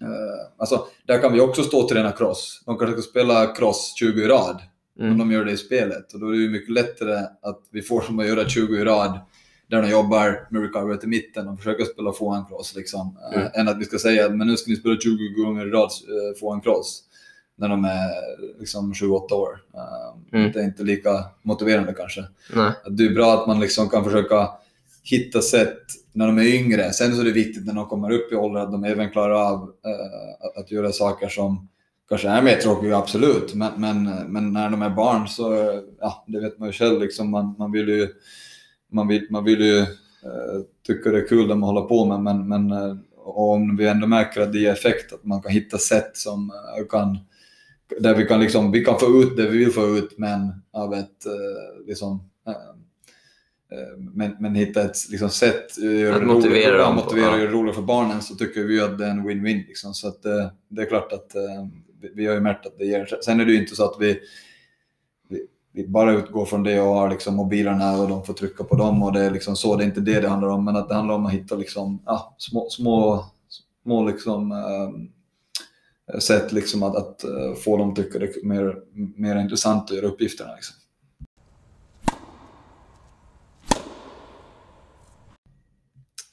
Eh, jag tänkte också fråga lite om eh, den fysiska delen. Om vi pratar liksom juniorträning då. Ett koncept som Svenska Tennisförbundet har liksom haft lanserat är multiskills. Det finns ju andra, andra liknande koncept också. Eh, ja, hur jobbar ni med de, de fysiska bitarna för juniorerna i yngre åldrar? Nej, men vi har ju från, från när de eh, kommer in då när de är, är yngre så, så jobbar vi ju egentligen i i, den dag, alltså i, i träningen så är det ju då eh, uppvärmning kan man kalla det, uppvärmning, fysträning, där vi alltid då börjar med att vi har liksom, på en timmes träning så har vi alltid eh, liksom 20 minuter, eh, så det blir liksom en fjärdedels eh, eh, av, av, träningen så lägger vi tid på eh, eller en tredjedel så lägger vi tid på, på uppvärmningen då. och sen kan det ju även vara att vi utöver det lägger in moment som då är lite kanske mera mot det tennisspecifika med boll och sånt. Men med ren, ren liksom fysisk träning så är det en, en 15-20 minuter varje pass. Det är ganska mycket av en timme då? Ja, det är därför jag tycker liksom ibland det kan bli kort med en timme sådär. För att det blir, men vi, vi tror också på att, att liksom, från när de kommer in i, liksom, när de är så många så måste vi jobba med de grunderna. Alltså det är ju, det är omöjligt, som jag nämnde innan, liksom, att, att innan de har lärt sig liksom, att kasta fånga en boll så kommer de inte kunna liksom, spela till varandra. Och det, det är samma här, samma grund här. Vi måste ju kunna jobba med deras balans jobba med deras fysiska mm. liksom, grunder för att de, de ska få en bra bas för att det ska bli lättare att kunna spela tennis. Uh, så därför så tror, vi att det, uh, så tror jag att det är viktigt att man uh, lägger mycket tid på det. Vilka fysiska egenskaper tycker du är viktigast i de olika utvecklingsfaserna? Ah, nej men, alltså, det finns ju väldigt, eh, det är väldigt brett med hur man kan jobba med, med fysisk träning, men, men absolut balansen är ju eh, den viktigaste delen till en början om de är yngre. När de är på, på röd nivå så, så tycker jag balansen eh, är det viktiga. Men balans kan ju vara väldigt många olika saker. Det handlar inte om att stå på ett ben. Liksom. Det, alltså du, kan ju få in, du får ju oftast när du gör en, en uppvärmning så, så som vi lägger upp det så kan det vara att jag kanske har ett liksom, fokusområde. Okej, okay, vi kanske ska fokusera mest på eh, liksom, eh, eh, öga-hand-koordination till exempel. Men då kan du även få in liksom, balans. Du kanske får in liksom, rumsuppfattning. Så du kan ju få in andra moment ändå. Det handlar bara om att, att vet man liksom, ungefär liksom, alla de mm. hur, hur kroppen fungerar och vad, vad det finns för fysiska grundegenskaper så, så handlar det bara om att eh, liksom, hitta rätt övningar så att du får med alla de momenten. Mm. Eh, men och där samma sak, vi försöker se till så att, att uppvärmningen blir även eh, liksom att det blir ganska roliga övningar så att det, det även blir hög motivation där för, mm. för barnen. Men, men balans absolut från början. Eh, det viktigaste. Och, och vid, vilken eh, liksom, eh, ålder så här, tycker du man ska börja jobba med fysen utanför själva tennistimmen? Ja, det är också, här kanske man måste hålla en ålder för att det skulle kanske kunna funka om man ska ha en mm. fystränare. Men det är också hur bra de är på att koncentrera sig och även tror jag samarbeta om man måste göra vissa saker. Samarbeta också mycket om man har en grupp och sådär. Men, men eh, jag tycker ändå liksom när de börjar komma upp på äh, grön nivå, kanske nio år. Äh, äh, jag, jag, tycker innan, jag tycker kanske tio, så, nio, tio kan vara jättebra liksom, men, men innan det skulle jag vilja att man skulle ha mycket mer integrerat i, i, liksom, i, i träningen, att man skulle kunna få in liksom, så att vi säger att ska man ha lite längre liksom, pass så skulle man kunna ha mer av det i, inbyggt i, i själva tennisträningen, kanske lite innan och mot slutet och sådär. Mm. Eh, så det tror jag man kan ha ganska högt upp i åldern, men att ha liksom specifikt utanför, det är klart, det skulle underlätta för de flesta säkert klubbarna så som man har i Sverige, att de flesta har en timmes träning eller de är ännu kortare. Då är det lättare att ha kanske någon fystränare då utanför som, uh, som kanske tar uh, hålla, hålla upp med innan eller efter. Mm. Men det bästa tycker jag är att om man kan göra det mer på banan liksom, upp tills de är kanske tio. Liksom. Sen, okay. efter det, sen efter det när de kanske ska börja lite mer med teknikinlärning för eh, liksom enkla eh, så styrketräning mm. eller ja, sådana bitar som blir mer tekniska, då, då tycker jag att uh, du behöver kanske annat utrymme mm. okay. för det. Men, ja. Men jag vet ju René eftersom jag känner dig sedan tidigare och man hör ju här också att eh, det känns som att du har en väldigt eh, tydlig idé vad, vad, vad ni vill göra på träningen eller vad du vill göra på dina träningar. Eh, hur liksom tydliga, hur strukturerat jobbar du med de här eh, eh, barnen och hur, hur tydliga terminsplaneringar har ni liksom så här att utgå ifrån? Nej, men eh, vi jobbar, vi jobbar väldigt liksom noggrant från start där vi då vi, det är ju inte bara liksom eh, grundskolan då som, som vi har en planering för, utan sen har vi även för de äldre tävlingsgrupperna i klubben. Men vi har ju först då en, en, eh, en årsplanering som, eh, ja, som många har med, liksom, med, med alla tema, temaveckor som handlar mer som en grundplanering och sen utifrån det då så bryter jag, jag ner det då så att eh, träningen är liksom mera i okej, okay, vad, vad, vad, är temat det här vi jobbar på och sen uh, har vi då uh, liksom mer specifikt fokus som vi lägger på uh, just i, i just den här veckan vad vi vill jobba på. Och sen kan det ibland bli så att den förändras lite efterhand för att tycker vi till exempel på på röd där, men, men, nej, men vi vill lägga tid en vecka till på den här grejen kanske.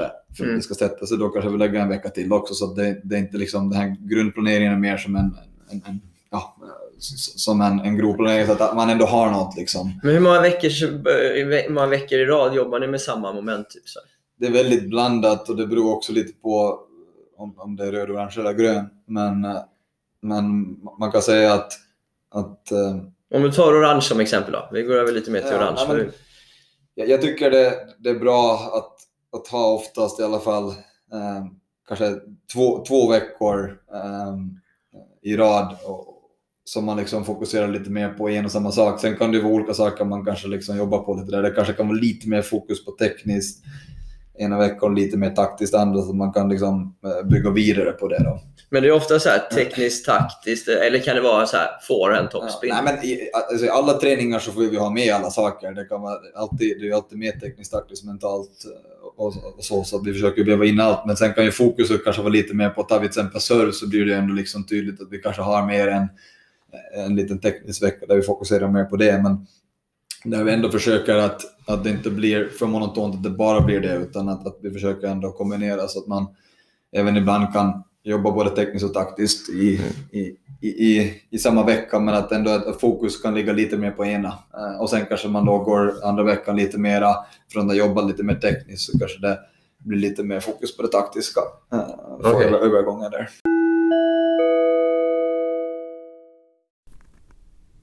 Vi jobbar väldigt noggrant, säger René. Och jag tror också det. Planering är A och O. Man kan inte ge sig ut på havet och inte veta vart man ska. Då kommer man ju aldrig fram i alla fall. Eh, vi måste följa någonting och vi måste ha en plan. Då kan man också utvärdera. Om man inte följer någonting kan man aldrig utvärdera, korrigera och göra saker bättre. Då blir det bara tur ifall någon kommer fram och blir duktig.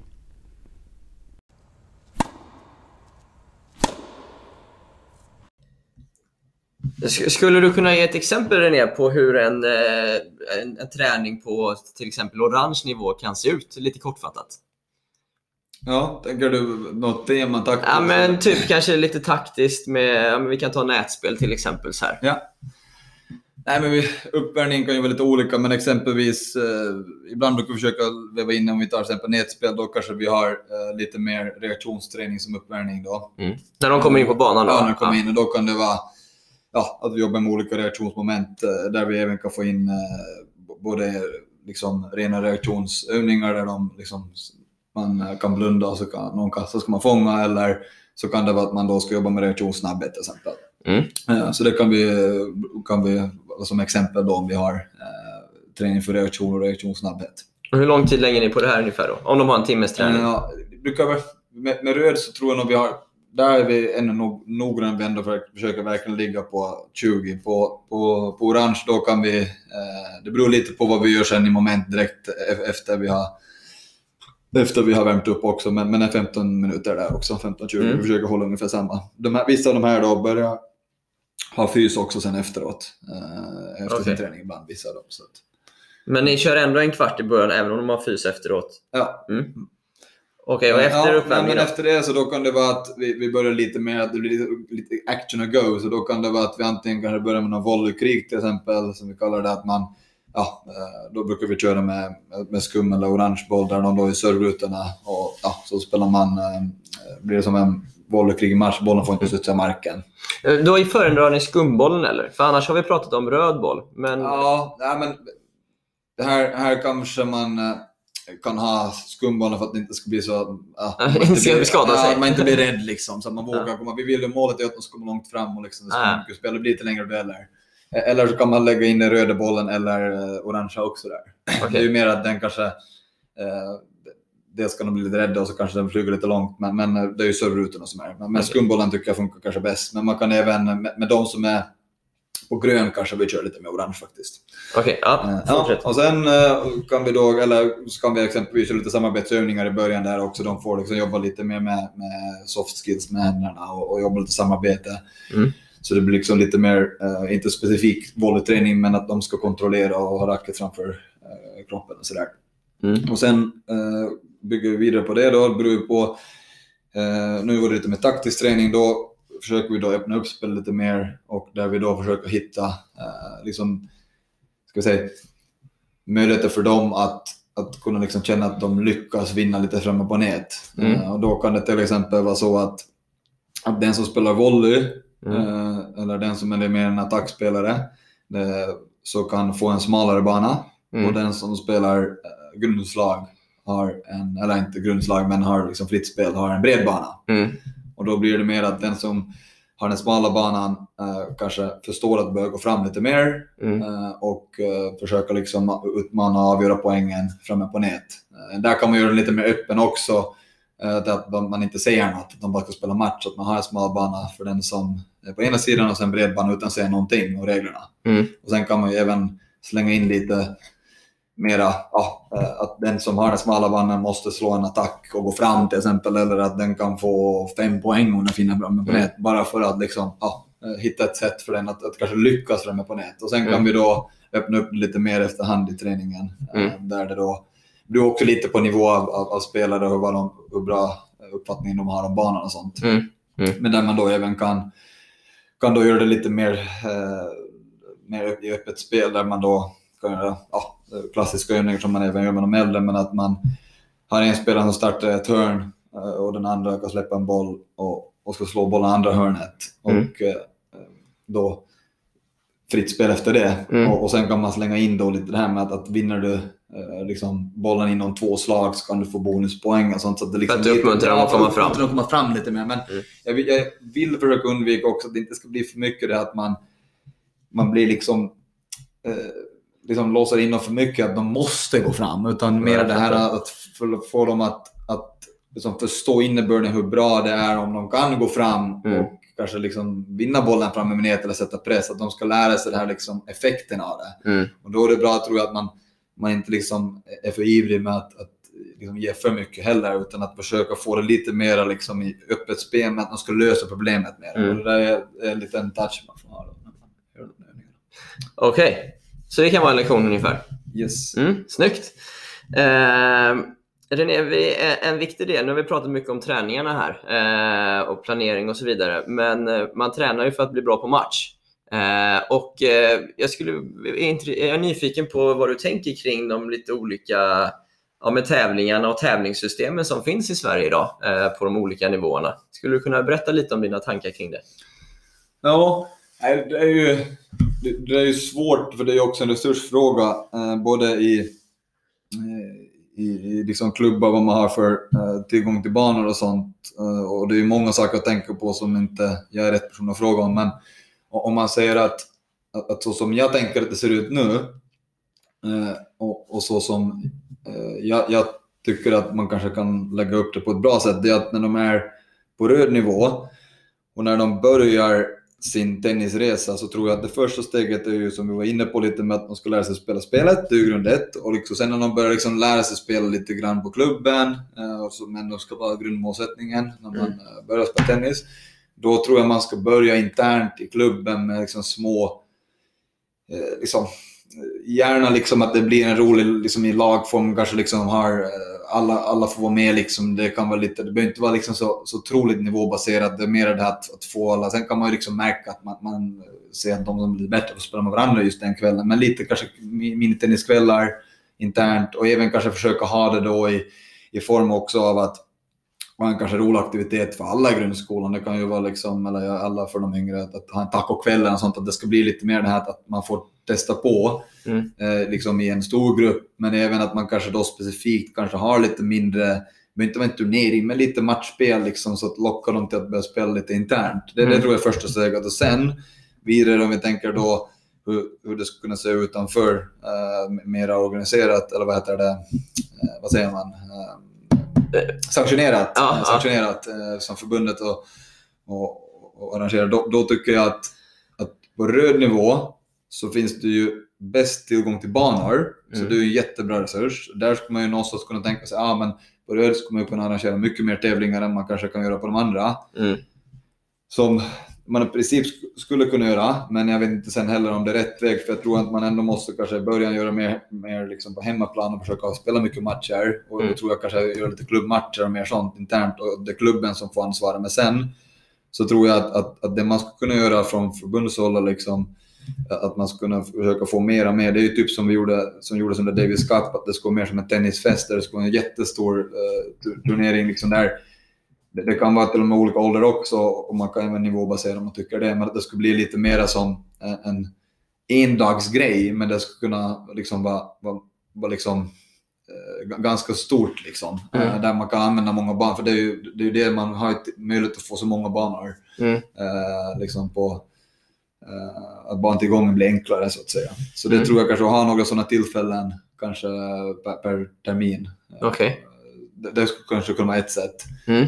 Jag vet inte om jag tänker rätt, men, men, men absolut när man börjar bli senare i röd så tycker jag de också ska få möjlighet att tävla lite. Så det, det, kan ju finnas. Men där är ju IFS-touren och finns som jag tycker är en bra ingångs, eh, mm. ingångssport. Men sen på orange så finns det tyvärr ingenting nu. Så där tycker jag att det skulle kunna finnas uh, mycket mera uh, liksom, tävlingar sanktionerat. Mm. Sen hur man ska göra det på bästa sätt, det vet jag inte för du är ju en bandtillgång där också. Man kan ju få två orangea banor på en bana, men då det ju, gäller det att vara bra liksom, när man organiserar en tävling, att man kan tejpa upp och sånt. Och det kräver ju också jobb och det är det som många säkert upplever, att, som arrangerar tävlingar, att, att man måste tejpa upp banor och sånt där. Ja. Men, men däremot så tror jag att, att formatet kanske ska vara korta matcher, bäst, sån här fast four brukar vi kalla det. Ja, först för, till ja, först till fyra game och så kan det vara ganska snabba matcher. Mm. Men att de ändå får börja lära sig räkna poäng. Att på röd så tycker jag där kan man ju jobba vidare fortfarande, kanske lite mer med, med, med tiebase-poäng. Men, men sen i, i orange och där skulle man kunna jobba lite med fast four. Okay. Uh, eh, format exempelvis. Sen så tycker jag också, jag är mycket för att det ska mycket i lag. Så jag tror att det skulle vara bra om man skulle kunna få uh, det mera också i, i, i, någon sorts lagtävling. Men man kan ändå spela individuellt. Man kanske ska kunna liksom åka som en klubb eller åka som ett lag på något vis och samla tillsammans. Mm. Um, sen, ja, om vi pratar röd och orange här. Mm. Eh, det har ju varit en diskussion också. Så här, hur, hur, hur viktigt är det att kora en vinnare tycker du i, i tävlingarna? Äh, på, på röd så tycker jag inte äh, att uh, det behöver vara viktigt alls. Uh, och, och, vet jag, jag tycker det måste vara viktigt på orange eller grön heller. Men däremot så tycker jag att de måste få känslan av att, att, uh, liksom att man ändå kan ha, ha liksom att ändå, alltså vinst och förlust finns ju. Liksom att man kan ju nog ha en, en på, på, på orange och grön absolut sanktionerat till där det det kan vara liksom utslagning, men där det kanske då finns någon sån här bakåt-turnering eller liksom att man kan få spela fler matcher. För vi vill inte komma åt det att det ska bli liksom åka dit och spela bara en match. Nej. Men där, däremot så, så, så tycker jag ändå liksom det här med att, att få spela som ett lag, så tror jag ändå liksom är bra att få göra mycket i, i, i röd och orange. När de är röd så är de väldigt egocentriska till sättet, för de är barn, alltså små. Men jag tror ändå att man kan göra saker i grupp, men att de får spela själva. Men att man liksom, det blir lite mer det här att, att vi är tillsammans. Mm. Det, det, tror jag mycket på. På Orange är det ju bara frågan hur man liksom, rent resursmässigt med barn och sånt ska göra det. Så mm. det här är ju egentligen bara första steget att få mer sanktionerade tävlingar. För nu är det problemet att nu finns det ju inga tävlingar som man kan åka ut och spela orange äh, på det viset. Liksom. Det, det är oftast liksom grönbollstävlingar. Så där, Mm. där tror jag vi, vi bör jobba mycket mer för att få in eh, Fler tävlingar på orange nivå. Ja, fler tävlingar på orange. Mm. Och sen så tycker jag att det funkar jättebra med mycket klubbmatcher och sånt också, så man får inte glömma att, att klubben har ju också möjlighet liksom att man kan liksom skapa, skapa Mm. mycket, mycket matcher. Mm.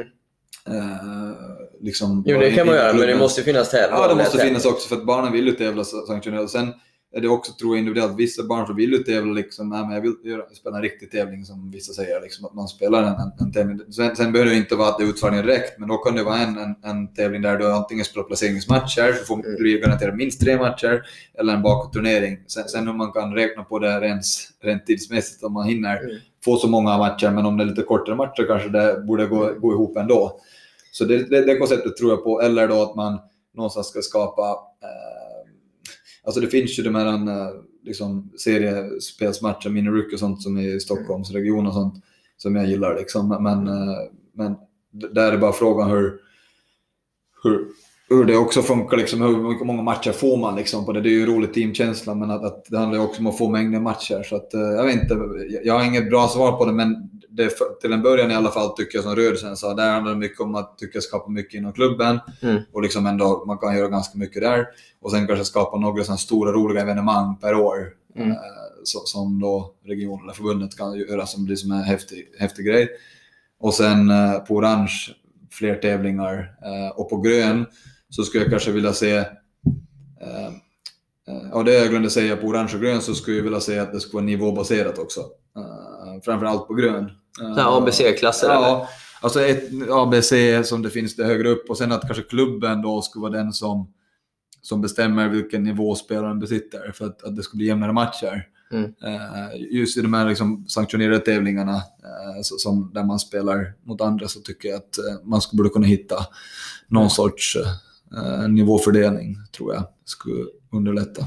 Alltså det, det här med fler matcher som du är inne på, eh, med bakåtlottningar och så Ja. vidare. Nu, nu har jag ju inte varit så involverad i de yngre åldrarna Nej. sista, sista åren, men på, även på högre nivå och äldre spelare. Mm. Alltså det är så otroligt bra när man får flera matcher. Ja. Eh, om det är samma dag eller om det är dagar i följd. Så vidare. Men, men att just att spela mer, Ja. det, oavsett nivå oavsett ålder, så Ja. tycker jag det ger så otroligt mycket.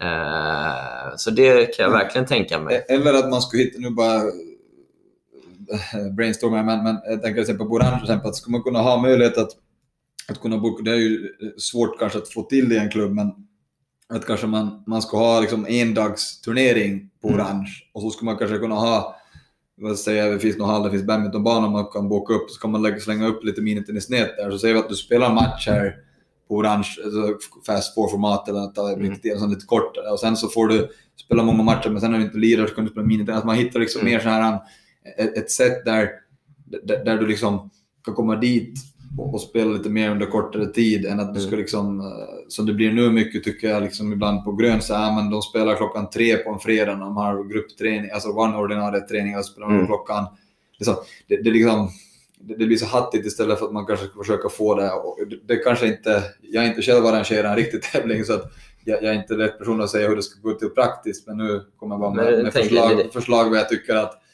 att, att hur det skulle se, se ut är- I den bästa av Ja, den världar. bästa världen, så att säga. Eh, mm.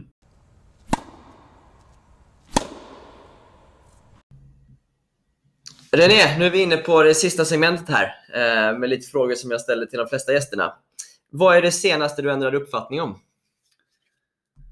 Ja, te- tennis specifikt så kan jag ändra uppfattning lite nu och då, men, men en sak som jag faktiskt eh, eh är senaste tid ändrat lite uppfattning, det är om linjerna på orange och grön. Det jag inte har jobbat så jättemycket med indragna linjer på orange, så som det egentligen det riktiga måttet är, utan jag har jobbat eh, väldigt mycket med eh, liksom bara baslinjen förkortad så att säga. Så Ja, du, du drar en ny baslinje, men Ja, si- ja. vanliga singellinjerna har du haft innan. Exakt. Ja. Och eh, jag har förstått, eh, eller insett nu... Så gör jag till exempel. Ja, Ja. Jag har insett mer effekten av att, att ha de eh, inre linjerna med. Och sen är det klart att det är en praktisk sak att inte kunna göra det varje gång. Och sen, jag har ju använt det mera i syfte tidigare, där, men nu tycker jag, men, men nu har jag insett att, att eh, syftet är mycket större. Eh, att ha dem indragna. Vad är syftet då? Nej, men dels så har jag märkt att, att det är jättebra att ha bredare ibland för att de ska lära sig kunna använda, att öppna ytan och öppna vinklar och sånt. Men däremot så blir det, om vi tänker det tekniska, så blir det att de spelare lätt liksom kan fuska till sig att få den vinklad utan att, att kanske utföra rätt tekniskt, att få den här effekten. Aha. Liksom, azza, att de får den tekniska, liksom, verkligen bollen blir vink med vinkeln men Ja. att de ändå fortfarande har effekt på bollen. Okej. Så det blir liksom mer korrekt teknik samtidigt som du ändå jobbar med att få ut. Och sen det i även samband med att när barnen är på orange och de är lite kortare än vi vuxna är, så har jag räknat på att när de rör sig Mm. ut till sidorna när de jobbar med sitt fotarbete, så då blir, vad heter det, eh, ska vi säga, antal steg eller så mera likt så som du skulle jobba om, du är på proffs, alltså du jag som är vuxen och jobbar, rör, rör mig på en full stor bana, Mm. så blir också även rörelsemönstret lite mera ja, eh, likadant. Okej. Mm. Ja, Så snyggt. det- Ja, bra svar. Mm. Eh, vad tror du på som andra tycker är lite galet? Eh, tråkigt svar kanske, bara babblat om det här idag, men eh, att jag tycker att eh, eh, det är väldigt viktigt att eh, man stannar kvar länge på eh, röd och orange, eller på Ja. de olika bollarna. Att man inte... Ja, men det har du sagt några gånger, så det är, ju- men det förstår jag att det är Ja, viktigt att inte gå vidare för snabbt där. Ja. Eh, mellan vilka steg tror du det är vanligast att man har för bråttom? Eh, Röd till orange, orange Nej, till grön, grön orange, till hård? Orange till grön tror jag. Jag tror orange steget så, upplever jag, det är också utifrån mig själv, Mm. eh, så tycker man är. Men, men sen tror jag också, eh, röd tycker jag också man kan stanna kvar längre. Där, där är man normalt sett länge, för det blir ju det blir längre där eftersom man är så mycket mindre utvecklad. Det finns så mycket saker att lära sig, men jag tycker att där upplever att man kan lära sig mycket mer skills än vad man eh, ibland har gjort. Sen så är det inte så att det inte går att gå till orange, men då tror man missar vissa saker Mm. eh, på vägen som är, som är lätt, lättare liksom att lära sig på röd än på orange. Att, eh, nej, men jag skulle säga röd och orange båda två kan man säga. Hur har du eh, utvecklat ditt ledarskap de senaste åren? Skulle du säga? Tänker du vad jag, hur jag tagit... eh, Ja, men eller hur du har förändrat ditt ledarskap? Hur jag förändrat? Eh, ja, Om du har förändrat ditt ledarskap? nej men där, en, en sak som jag nog tror är att jag har förändrat en del jämfört med när jag, jag i alla fall tänker liksom långt tillbaka, där för, för, för tio år sedan, så är att då var jag nog ganska mycket mer att, eh, att, att det var, jag ville styra allt. Nej, men oavsett om jag hade en, en yngre eller en äldre spelare så var det mycket att nej, men, en, en väldigt ledarstil att, att jag tyckte om att vara ha struktur. Jag gjorde en upplägg och så här, men det här kör vi på. Bla, bla, bla. Men, Mm. men nu är man nog bättre på att anpassa sig. Det är väl nu med att jag är bättre på att känna efter lite mer. Liksom, att, att, eh, liksom, hur känns det i gruppen? Vad, vad, vad, är, vad, vad är feelingen här? Liksom? Ja, men nu kanske vi inte gör det här. Utan man okay. direkt efter det man liksom planerat. Och sen även den andra grejen som jag har ändrat det är att jag nog låter spelarna vara lite mer delaktiga i, Mm. i ibland att man mer frågar sig. Om man, framförallt tycker jag individuellt att, att uh, verkligen fråga sig, men, vad, vill, vad vill du träna på? Mm. Att man liksom eh, låter dem äga bollen lite. Att det inte liksom bara jag som tränare som kommer bestämma. Jag kanske känner att jag vill, tycker att det är något som du ska träna på. Men, men även också för de yngre ibland, att de ibland får liksom inte helt valfria eh, liksom, saker att göra. Men, men, men lite, ja, de två sakerna. du involverar spelarna mer. Mm, Mm. involvera dem mer. Eh, Det är väl de två kanske. Har du någon eh, förebild som du sett upp till eh, genom åren eller som du bollar mycket tankar med? Svårt att bara nämna en. Jag tycker det blir fel att nämna nå- alltså, nå- någon enstaka namn. Men man kan väl säga så här att, att till en början så blev det ju mycket att man alltså, fick inspiration av olika ledare i egentligen olika sammanhang när man började som tränare och, och har blivit inspirerad av dem på många olika sätt. Tycker jag har fått av många olika sporter, eller inom många olika sammanhang och sporter. Eh, sen eh, skulle jag säga senaste åren så har det varit väldigt mycket inspiration kring eh, eh, hur man jobbar då med yngre. Mm. Alla tennisgurun som jobbar med, med de yngre där, det finns ju många duktiga som jag, som jag ser upp till. Mm. Eh, som jag har boll, vissa som jag bollar idéer med. Eh, och sen vissa som man liksom bara läst om, som man läser deras material. Okej, okej. Ja, du har ju gått en del ut, kurs, utbildningar och så vidare också med... Du tänker utöver de andra sen så? Ja, men, men jag tänker att du har ju säkert fått prata med väldigt många som man kanske hämtar vissa enstaka grejer från, från någon och så någon annat från någon annan.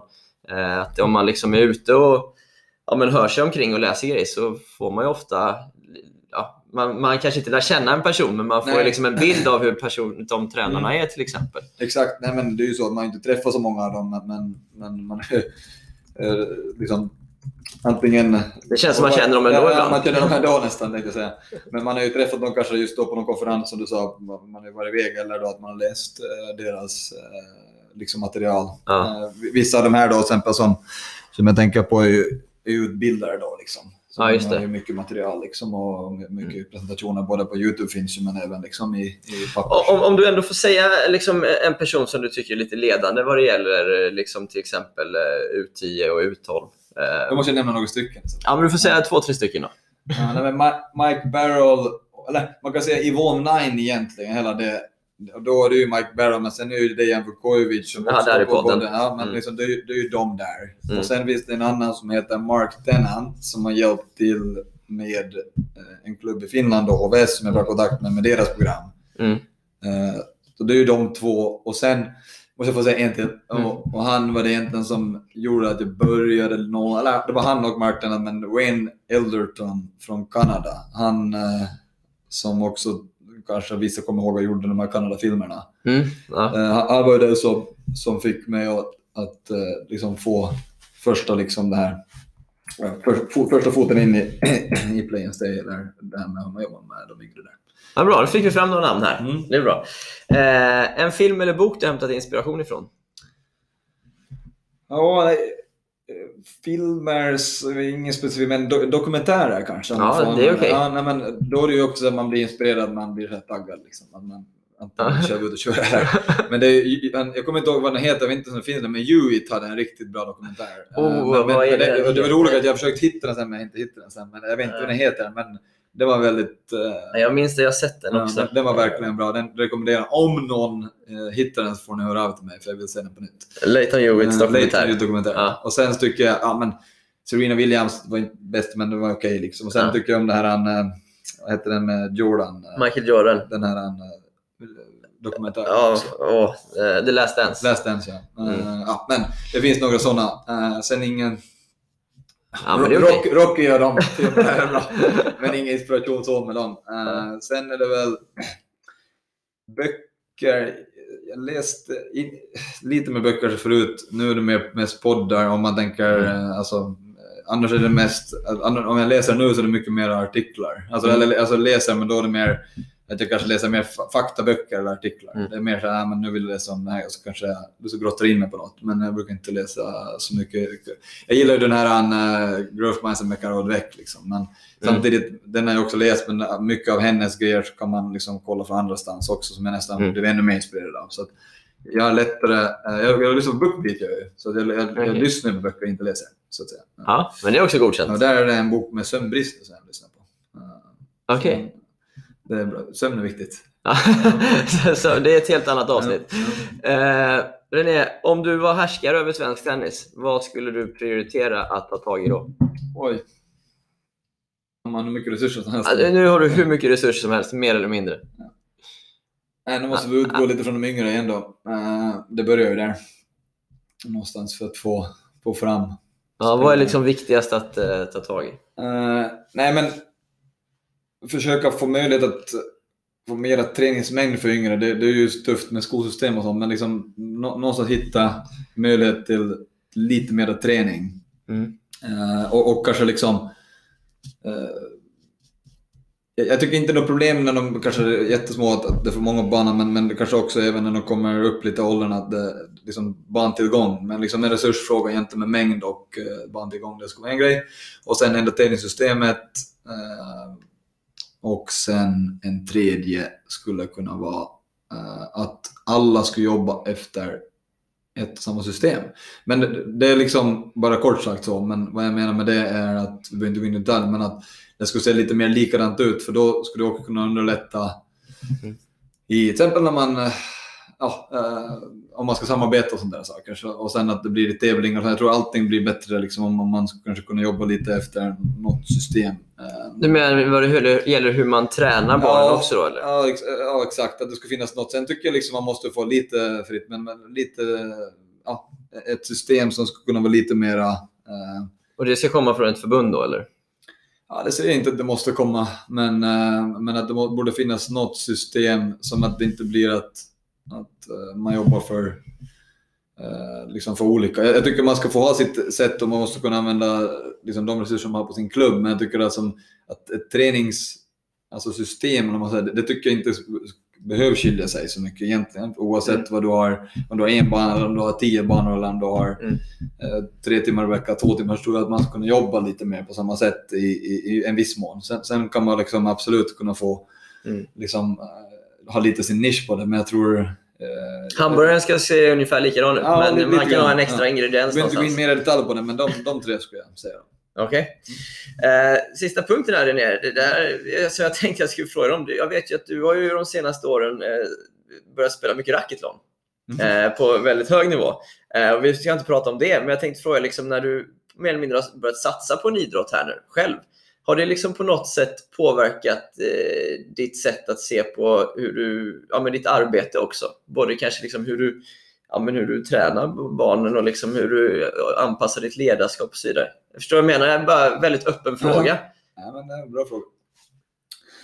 Ehm, ja, nej, men en sak som jag har märkt, uh, jag har tänkt på mycket själv, det är att jag tar ganska mycket lektioner själv nu. Ja, just det. Ja. Eh, och jag ser, eller det är ju också säkert individuellt, men jag ser ju en otrolig effekt i min, min utveckling av att eh, ta lektioner. Eh, och hitta en tränare, det är också väldigt svårt att man, man hittar någon tränare som man tycker om. Liksom, eh, som så pass, men, men att liksom få möjligheten att få den teoretiska delen till att sen liksom träna på det själv. Och jag gör ju ganska ofta så att jag tar kanske en lektion och sen går jag direkt efter lektionen så går jag och tränar med en kompis. Okej. Annan, jag, Liksom samma Ja, direkt. Jag det, ja, det ger så bra effekt. Så jag nöter in och så kanske jag försöker inte jobba med så många grejer, sen så går jag och tränar på dem. Okej, Uh, framförallt i min sämsta sport, pingis. Så är jag ofta så. Okej, okej. För den orkar man också köra lite fler timmar. Ah, ja, ja, okej. Men att ta lektioner har liksom ändå gett en... Eh, Ja, men det tycker jag för att insikt att, att eh, det går nog inte att... Eller liksom, sen, sen har jag försökt lära mig mycket själv. Jag har inte bara tagit lektioner, men jag kollar jättemycket liksom själv på... Filmar mig själv och kollar YouTube. eh, Och eh, kanske gå in på någon sån här...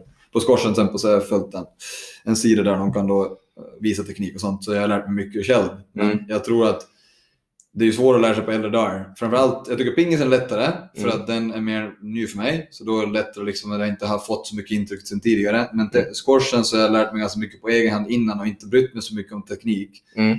Och jag blir väldigt bra taktiskt men jag har ju blivit begränsad nu när man kommer till en viss nivå. Så nu har jag försökt ändra vissa grejer då. Tekniskt då? Ja, och då har jag märkt att eh, då är det nog viktigt att eh, verkligen vara super, super noggrann och, eh, och kunna jobba liksom, ja, med detaljer. Det, det behövs. Och därför tror jag att Federer, Nadal och de också, det har jag insett nu. De behöver de, tränare. de har nog också gjort under alla år hela tiden och blivit bättre på. Ja, ja, okej, okej. Ja. Nej, men det är väl, det är väl kanske så. Sen, sen är det ju klart säkert vissa andra grejer mentalt och så, men det väl inget nytt. Liksom. Så Nej. det man. Ja, intressant. Avslutningsvis här då, vill du rekommendera någonting? Vad som helst. Ja, efter jag, eh, inte bara efter att jag började läsa den här boken om sömnbrist, men, men jag insett det själv att eh, Eh, alla där ute som, ja, men även de som jobbar, men eh, framförallt de som tränar och satsar på någon sport, så är det otroligt viktigt med sömn, det är otroligt viktigt med kost och det är otroligt viktigt med en bra strukturerad och balanserad träning. Så att de tre ihop, de, eh, de, gör, de gör det. Det skapar magi. Ja, det skapar magi. Det, är- det är min rekommendation. Tänk på de tre delarna. Sömn, kost, träning. Ja, Ja, det låter bra. René, det har varit superkul och intressant att prata om dig. Eh, eller prata med dig eh, snarare. Eh, tack för att du tog dig tid och kom hit. tack själv Linus.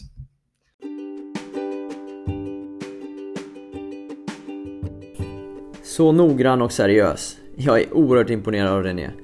En av de mest ambitiösa tränarna, i alla fall jag känner, vad det gäller arbetet med de här yngre åldrarna. Och en ständig hunger efter att lära sig mer. Efter att utveckla sig själv och utveckla upplägget i klubben kring just den här gruppen spelare. Så kul att han brinner för just det här. Nu hoppas vi fler kan ta efter hans hunger eh, och att ha en tydlig struktur och planering med utvecklingen av spelare i de här åldrarna. Nu kör vi! Tack för idag!